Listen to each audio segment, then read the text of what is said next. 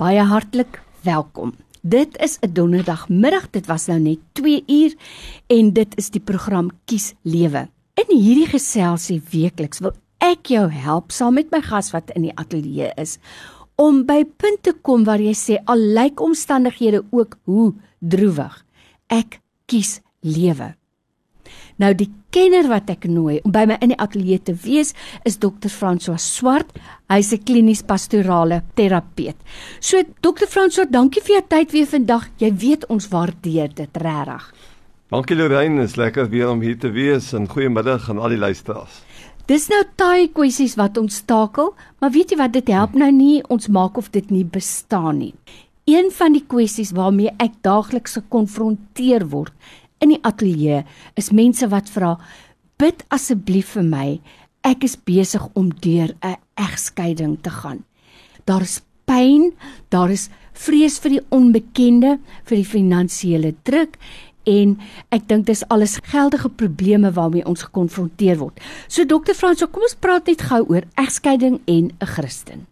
Ai Lorraine, uh, dit dit is hartseer. Ek mm. dink egskeiding is 'n groot ding veral ook met COVID-19 het mm. ons agtergekom in spreekkamerverband die stres op ons huwelike mm. was geweldig en daar's natuurlik 'n klomp redes daarvoor. Daar is uh, al baie navorsing gedoen hoekom ouens skei. Daar's 10 goed eintlik al geïsoleer. Ek gaan net die eerste 5 vinnig in volgorde van belangrikheid noem. Baie keer die eerste rede vir egskeiding is dat die paartjie kan nie seksueel aanpas nie. Dis nie dat hulle nie weet hoe die seksuele mm. werk nie, maar dis omdat die seksuele verwaarloos word soos wat 'n mens ook deur die verskillende lewensfases gaan. Die tweede grootste rede vir egskeiding wat mens moet noem is ekonomiese werklikhede. Lyk vir my, ek weet nie of ons ouers dit vir ons geleer het nie, maar liefde kan blykbaar nie werk op koue water in droë brood nie. Ek ek ek weet nie of dit waar is nie, maar dit dit lyk uh, of dit 'n baie groot rol speel. Die derde is die interference of die persone uh, wat in jou verhouding insprake maak. Soos byvoorbeeld die skoonouers. Daar's heelwat navorsing gedoen. Ons ons maak altyd grappies oor die skoonmaas dat jy jou huwelik vergelyk met met ander paartjies. Dit is 'n hoofrede en ons doen dit nie. Jy doen dit nie soos wat my vriendin se man dit doen of die seun eh, of sy vrou hoe sy optree in die huwelik nie. By ander woorde, dit is 'n rede. Die vierde is vriende. Ons kuier te veel en ons het geweldig sosiale prosesse aan die gang, maar ons het te min uh koppeltyd. Wow. Waar ons kwalitatiewe tyd investeer in die verhouding. Ons gaan kuier elke Vrydag en Saterdag saam met vriende, maar nooit is is man en vrou alleen nie. En die vyfde grootste rede is die koms van kinders. Veral kinders onder 5 het 'n geweldige effek op die kwaliteit van die huwelik. Dan is daar 'n lekker tyd so hierso van die kinders as hulle so van 6 na 12 toe is, want dan is pappa die sterkste, mamma is die mooiste, die ouers is die slimste en moenie met my sukkel nie, ek sê vir my pa, En dan hier van 12 af, hier van 10, 12 na 18 toe. Tienertyd. Dan is dit tienertyd, dan kry die huwelike ook swaar. Met ander woorde, daar's 'n klomp redes. Uh, ontrouheid natuurlik is 'n belangrike ding. Ten slotte dan net rondom wat aanleiding gee tot egskeiding. Is wanneer jy nie met 'n plan werk nie, as jy die huwelik verwaarloos en nie kwalitatiewe tyd aan dit spandeer nie. En net so vinnig wat jy die heeltyd aan aandag moet gee. Lorraine, weet jy wat gebeur? As 'n mens al lank getroud is met mekaar, is 'n mens is geneig om te beweeg van insident tot insident. Ek praat nou van daai onaangename insidente. En dan kry ons nie tyd om dit te prosesseer nie. Mm. Baie keer sê die dames vir my, ehm, um, jy weet, my man sê altyd, "Ag, moet ons nou daaroor praat? Kan ons nie môre daaroor praat nie?" Môre daag nooit op nie.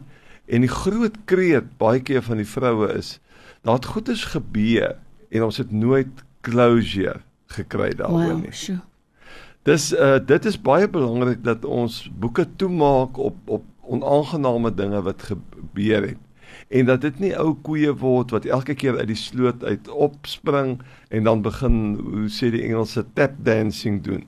En elke keer wanneer ons deur 'n moeilike tyd gaan, dan sê ons, onthou, laas jaar was dit ook so. Mm. Dis elke huwelik het gewoonlik so 6 of 7 ou koeie wat ontstaan oor 'n periode van 5 tot 10 jaar. Dis 'n uh, eh, ek dink daar's baie wat ons kan sê oor egskeiding, maar ek dink vir inleiding is dit goed. 'n Belangrike ding waaraan jy nou geraak het is vriende.